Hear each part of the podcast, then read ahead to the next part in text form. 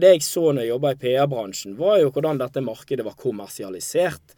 Hvordan det å ha kunnskap om hvordan det politiske systemet virker, den kunnskapen er veldig ulikt fordelt i befolkningen. Eh, og vi hadde jo av og til noe som vi kalte for gratis lobbykurs på Stortinget.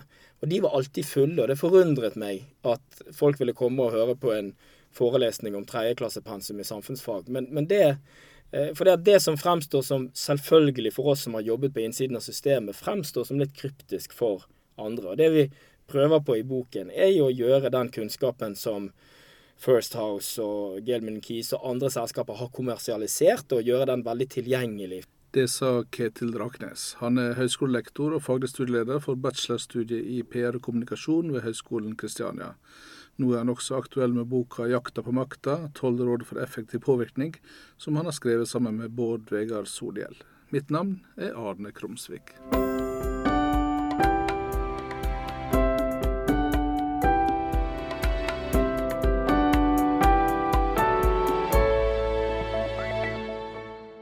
Jeg har jo jobbet mye med eh, politikk. Og i politikkens verden så er det veldig vanlig at man kommer fra ulike organisasjonstyper. Før jeg ble veldig aktiv eh, i eh, SV, så jobbet jeg jo for Redd Barna, jobbet for Røde Kors, jeg jobbet med, med bistandsfeltet. Og på bistandsfeltet så er det jo veldig mange organisasjoner som bruker veldig mye tid på staten fordi at de ønsker ulike ting fra staten. Og så I de årene når jeg var politiker, så hadde jeg jo veldig mye kontakt med ulike interessegrupper i det norske samfunnet på veldig mange forskjellige felter. Alt fra miljø til liksom olje og energi, til rederier og den typen eh, ting. Um, og så jobbet jeg også en stund som lobbyist når jeg jobbet i PR-byrået. Jobbet jeg bl.a. med å selge svenske jagerfly eh, eh, til Norge, som var en veldig interessant. Og da jobbet jeg med folk fra andre politiske partier eh, også. Og da jeg skulle skrive doktorgrad, så hadde jeg vel bare ett prinsipp. Det var vel at eh, det må handle om makt og penger. Eh, og, lobby handler i veldig stor grad om makt og penger, for det handler jo om hvem som har innflytelse over eh, politisk utforming av vedtak. og det er et stort forskningsfelt internasjonalt, men det er gjort lite på det i, i Norge. Spesielt de siste 20 årene er det gjort veldig lite på det. Du noen vei i det hele tatt med lobbyisme uten å ha en god del penger? Ja, eh, det gjør man jo. Eh, og Norge har jo et spesielt utgangspunkt. Det er veldig store forskjeller mellom land. Men Norge er vel det vi kaller et av de best organiserte samfunnene i verden. ikke sant? Det, det fins knapt en interesse som ikke Eller en diagnosegruppe som det er Bare dra på Arendalsuka. ikke sant? Der står de med de som har astma, står ved siden av de som har utlagt tarm, og, og de som har allergi. og Altså, de alle har Norge er et veldig gjennomorganisert eh, samfunn. Og så, og så, vet vi jo det er helt liksom Hvis vi går tilbake igjen til Stein Rokkan som skrev om, eh, om Norge på 1960-tallet, så skrev han at stemmer teller, ressurser avgjør. Og Med det mente han jo at disse interesseorganisasjonene, spesielt innenfor næringsliv og arbeidsliv og landbruk, hadde veldig, veldig stor makt. Men det som har skjedd siden 60-tallet, er at liksom det systemet har blitt oppløst. Og i dag er det en slags fri konkurranse mellom Da kan du dra på Arendalsuka. Arendalsuka så kan du velge sjøl. Hva arrangement vil du ha? Hvem vil du invitere? Det er en sånn fri konkurranse mellom organisasjonene. Og hvem som vinner når systemet på en måte blir åpent, det vet vi egentlig ikke så veldig mye om.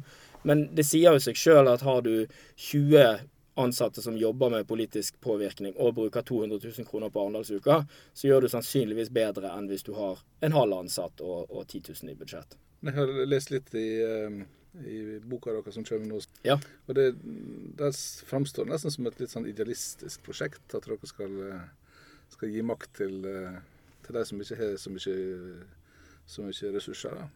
Ja, eh, det er jo naturlig når man er Altså, jeg har jo bakgrunn fra SV, sant? så vi ser jo alltid på oss sjøl som den som forsvarer de med, med lite makt. Men, men, bakgrunnen for det er egentlig ganske sånn pragmatisk. Fordi at vi hadde jo ofte relasjoner til disse litt svakere gruppene. Sant? Miljøvernorganisasjoner, bistandsorganisasjoner, kvinneorganisasjoner. De som følte at de ikke alltid eh, eh nådde fram. Eh, og det jeg så når jeg jobba i PR-bransjen, var jo hvordan dette markedet var kommersialisert. Hvordan det å ha kunnskap om hvordan det politiske systemet virker, den kunnskapen er veldig ulikt fordelt i befolkningen. Eh, og vi hadde jo av og til noe som vi kalte for gratis lobbykurs på Stortinget.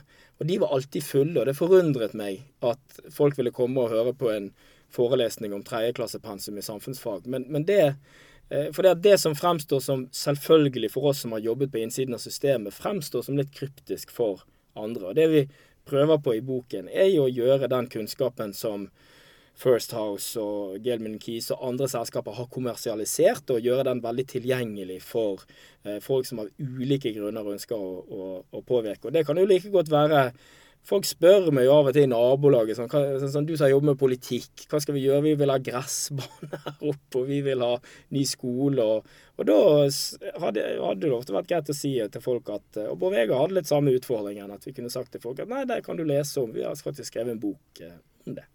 Hva som er det viktigste rådet da til den som er helt grønn på dette feltet?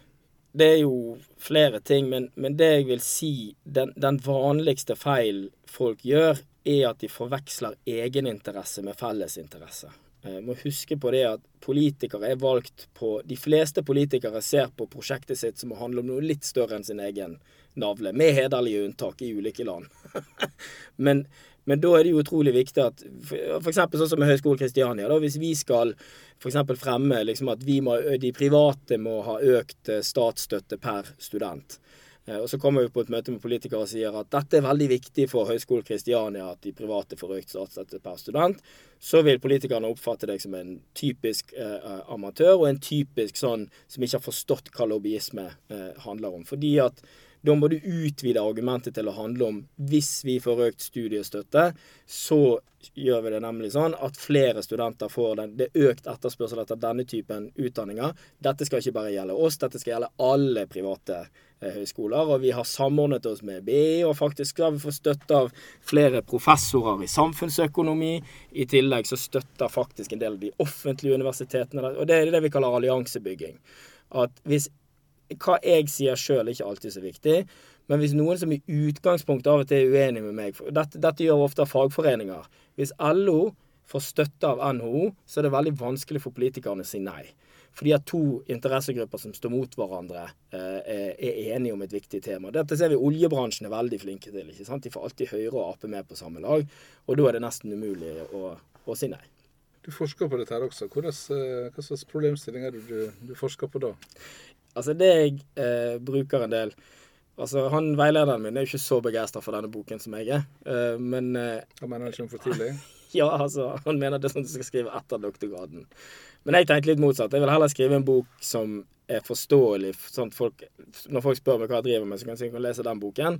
Og så kommer jeg med en litt mer kryptisk bok om to og et halvt år, hvor jeg skal pakke dette inn på en litt annen måte. Men et av hoved sporene som jeg eh, forsker på nå, er jo dette her med hvordan Lobbyistens grunnproblem er sånn som jeg fortalte, at du kommer inn et sted, og så sitter den på den andre siden, og så spør den andre liksom Dette er bra for deg, men er det bra for meg? Og Det er både et sånt retorisk problem, men det er også et praktisk problem. At du skal overbevise andre. Det er derfor Lobbyisme kalles jo ofte for special interest eller interesse. Altså Det ligger i sakens natur at dette ikke gagner alle. Og Da har vi sett en trend over tid at spesielt næringslivet har begynt å fremstille egeninteresse som fellesinteresse. I noen tilfeller så kan det jo være at du faktisk gjør noe som er bra for miljøet. og at du faktisk, sant? Men når Norsk Hydro sier at de egentlig er opptatt av å redde sult, og NHO egentlig sitter i FNs generalforsamling for å redde miljøet, så er spørsmålet er dette retoriske strategier, eller er dette reelle politiske eh, eh, endringer. Og også i et demokrati, hvis alle sier hele tiden at dette handler eh, bare om eh, alle andre, dette handler om å redde de fattige, dette handler om å redde miljøet. Oljebransjen sier jo stadig vekk at egentlig handler dette om å skaffe elektrisitet til folk i den tredje verden. ikke sant? Da blir det jo vanskeligere, spesielt for journalister og politikere som hele tiden skal vurdere disse kravene til de ulike interesseorganisasjonene, nemlig at politikk dypest sett handler jo om interessemotsetninger. Og det er jo ikke noe galt nødvendigvis å ha egeninteresse. Men når den er kamuflert alle steder, så er det også vanskeligere for velgerne å ta stilling til hva er egentlig bra og hva er egentlig dårlig for meg. Hvordan er det du konkret går fram når du skal eh, forske på dette? Ja, akkurat min doktorgrad handler jo om lobbyvirksomheten mot energi- og miljøkomiteen på Stortinget. Eh, og Der har jeg jo to hovedtyper data. Jeg gjør en arkivstudie hvor jeg ser hvilke grupper som er aktive overfor Eh, komiteen, og deler de inn etter eh, hvor hyppig de har. Og så har jeg også et prosjekt hvor jeg forsøker å si noe om tid også. For eksempel, jeg mener det er forskjell hvis. For du blir invitert på helikoptertur med overnatting, enn du får et kjedelig møte en halvtime i komitérommet. Der ser vi stor forskjell på bransjer. F.eks. olje- og energibransjen er veldig flinke til å få komiteen ut på fine lunsjer eller på plattformbesøk og den typen ting, som jeg mener vi må verdsette høyere enn å få et halvtimesmøte i eh, eh, komitérommet. I tillegg til den studien så gjør jeg også en, en case-studie av bl.a. Eh, Utsira, som var en stor sak som handlet om elektrifisering av en del uh, plattformer. En stor utbygging i, i, Nordsjøen. Og da ser jeg jo, intervjuer jeg alle i den saken og spør de om hvilke argumenter de brukte. Hvilke, og så snakker jeg både med lobbyister og politikere for å få litt av det samspillet. Og jeg snakker også mye med politikere med hvordan forholder du deg til når du har ulike syn på en sak. Liksom, hvordan er det du resonnerer deg fram til et standpunkt som du kan forsvare offentlig? Og Da er det jo vanskelig å skrive om det uten å komme inn på mer sånn klassisk demokratiteori, sånn som vi kjenner liksom Habermas og John Rawls, og hvordan, hva er egentlig et balansert standpunkt? Og, ja, der er det jo masse eh, som, eh, som, alle medieforskere eh, sysler mye med. Det er for tidlig å spørre om hva du konkret har funnet, men basert på det vi vet fra litteraturen så langt, hva er det du forventer å finne? forventningen er jo at uh, spesielt oljeindustriens på Altså oljeindustriens tilgang og også oljeindustriens resultater står i stil til den makten de faktisk uh, har. Og bare ut ifra de dataene jeg sitter og ser på nå, så, så, så altså, Og det har noe med profesjonalitet å gjøre òg. Du ser at det som er fordelen med å studere ting over tid, er at du kan se på mønstre. Du ser hver gang det kommer ny energi- og miljøkomité, så kjører industrien sitt faste opplegg. Sant? Da er det en, en, fast tur de har. De besøker Statoil hovedkontoret i Stavanger. De drar på plattformbesøk. De drar på oljemessen i, i, Stavanger. Og hver januar så har de det de kaller oljeindustripolitisk seminar. Og det settes opp busser for Stortinget, og der er olje- og energiministeren, og der er hele så, så, så, du kan si at noen har institusjonalisert det nesten korporativt. Mens andre grupperinger er mye mer sånn avhengig av å få tilgang i enkeltsaker, og avhengig av liksom å krangle seg til en til en plass ved, ved bordet. Og det er jo Når du ser på norsk økonomi, så er jo ikke det spesielt, uh, det er ikke spesielt overraskende. Men det som er interessant, og som vi vet lite om, er jo hva mener politikere er gode og dårlige argumenter i lobbysammenheng? Og hvordan foregår dette rent kommunikativt? Hvordan er det lobbyister velger noen argumenter framfor andre? Og der syns jeg i den case-studien det oppstår en del sånn interessante eh, ting knytta til dette med forandring og bevaring. og og ulike eh, strategier man bruker i forhold til om man skal spille på fakta eller spille på, på følelser og den typen ting. I uh, den uh, aktuelle boka deres så skriver dere om uh, en gruppering som med vesentlig mindre ressurser da likevel klarte å vinne over oljeindustrien. Fortell litt om det. Ja, det, det, vi skriver om der, er jo folkeaksjonen mot, mot, oljeboring i, i, i Lofoten. nå skal vi huske det at alt er relativt. Sant? Så En annen måte å si det på, det er at det var den ene seieren oljeindustrien var villig til å gi miljøbevegelsen. For i samme periode må vi huske på at så har nesten alle utbyggingsplaner gått gjennom.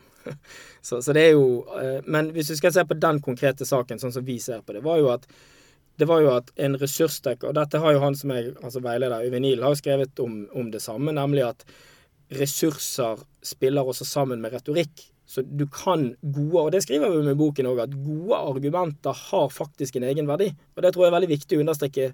Det er min erfaring fra politikk òg.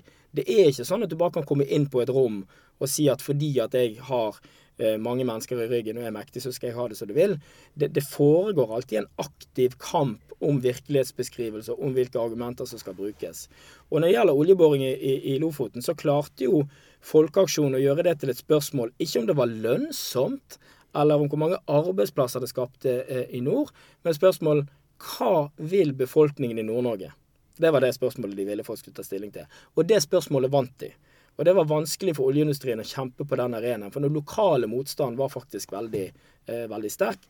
Og der var det også alliansebygging mellom f.eks. fiskeriindustrien og miljøorganisasjoner. Så de lagde sine egne allianser.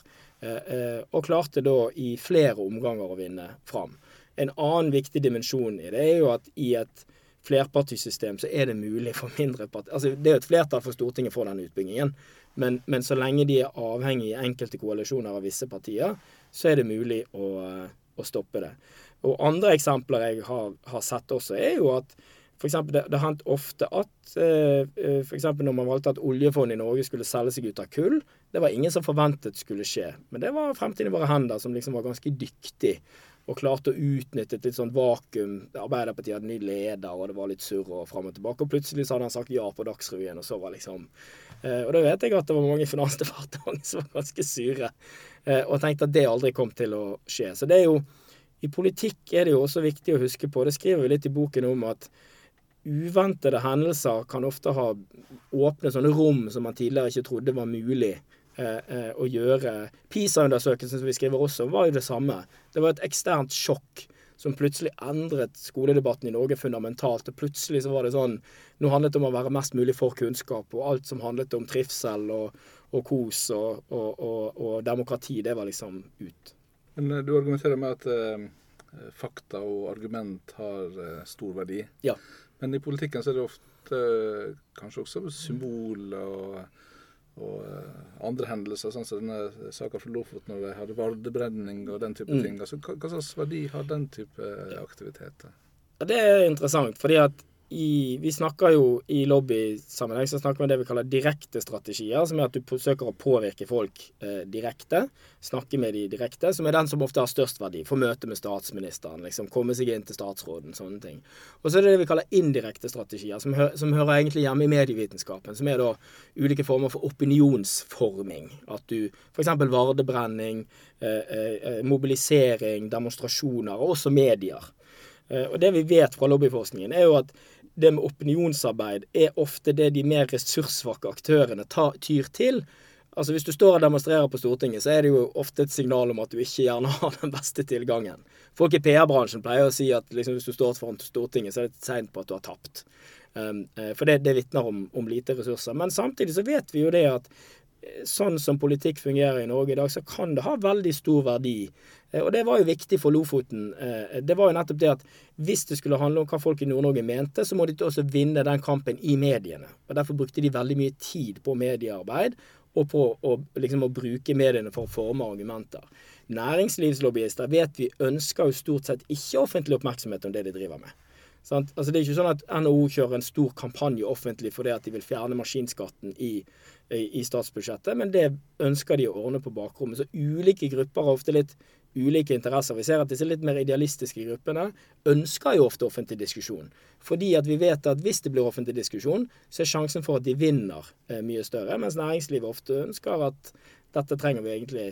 Trenger vi en ny offentlig debatt om lederlønninger? Nei, vi trenger bare å gjøre noe. Bare øke lønningene uten at vi diskuterer det så mye. Apropos det, så har dere et avsnitt som heter 'Don't do stupid shit'. Det høres ut som et generelt godt råd. Ja, det er mye å hente for deg, eh, mye å hente for deg, Arne. Nei, eh, det var egentlig tatt fra Det var jo egentlig liksom, på en måte som forkortelsen for utenrikspolitikken til Obama. Vi la til det som et kapittel på slutten, bare for å minne folk om at det er mye du kan gjøre riktig, men det er også veldig lett å tråkke galt. Og Der er jeg jo inne på en del av de tingene som jeg, som jeg, snakket om i begynnelsen. At det mange gjør i møte med Altså det verste du kan gjøre, og det gjelder jo det er underviser i PR òg, det verste du kan gjøre i møte med en hvilken som helst målgruppe, er å undervurdere målgruppen. Og det å komme inn til en politiker som har sittet på Stortinget i tolv år, og tro at du skal forklare den personen som sannsynligvis har sett mer enn deg, har hørt mer enn deg, vet mye mer enn deg, om hvordan verden ser ut, det er en veldig dårlig idé. Uh, og det samme ser vi jo det som vi kaller liksom, utskjelling og trusler. ikke sant? Det å kjefte på folk er sjelden en Altså hvis, liksom, hvis jeg går inn nå i lønnsforhandlingene med, med skolen og sier at, og har et svært utspill om at alt er grusomt, og jeg er så misfornøyd, så, så er sjansen for at uh, ledelsen vil gjette er veldig liten. For jeg setter ledelsen i en posisjon hvor jeg vil ydmyke dem. Um, og, og, og, det ser vi av og til at sånn interessegrupper ofte feilberegner politikere på den måten. Og, og, det har vi ofte opplevd sjøl òg. Hvis folk kommer i et møte og, altså Hvis du begynner med en setning av typen 'det dere ikke har forstått er', eller 'det dere politikere ikke skjønner', da tenker du bare du kan jo bare gå hjem. For du, du har jo ingenting her å, å, å, å, gjøre. Så vi har et par, eh, vi har et par fikse råd også til, til, ting du ikke skal gjøre. Du underviser jo også i dette her og, og har mange studenter. Hva er det studentene ender opp? Noen har jo veldig lyst til å jobbe i byrå, eh, og har en del som, som gjør det. Eh, men det er klart at hvis du ser på kommunikasjonsbransjen i Norge, så må vi huske på at 50% av medlemmene i Kommunikasjonsforeningen jobber i offentlig sektor. Så derfor så har vi jeg, jeg, vi prøver jo å blande det mest mulig. At vi har mange fra privat sektor inne, en del fra PR-byråene, men vi har også mange, veldig mange fra offentlig eh, sektor. Og også fra de, også disse interesseorganisasjonene. Masse store organisasjoner i Norge som, som, trenger folk. Så jeg har faktisk en god del som jobber. En som jobber i Politiets Fellesforbund, folk som jobber i, i, i eh, Redd Barna. En god del jobber jo også med det ser vi jo, etterspørsel. Sosial mediekompetanse er etterspurt. Så det er mange som jobber for sånne litt sånn mindre mediebyråer. Eh, og så har jeg også noen som har jobbet for Har en som jobber for eh, med, Som er blitt kultursjef i en, eh, i en, kommune og har ansvar for alt kulturprogram og, og sånn. Så det, poenget mitt når jeg underviser studentene, er at kommunikasjonsyrket er ekstremt fleksibelt. Sånn? Så det, det handler egentlig mer om hva du er interessert i ved siden av kommunikasjon. Er du interessert i kultur, er du interessert i politikk, er du interessert i bistand, så er det på en måte å dyrke Fordi at det jeg pleier å si til studentene, at bare, du kan ikke bare være flink i kommunikasjon, du må kunne noe mer enn det. Du må ha noen interesser som på en måte går utover, uh, utover det.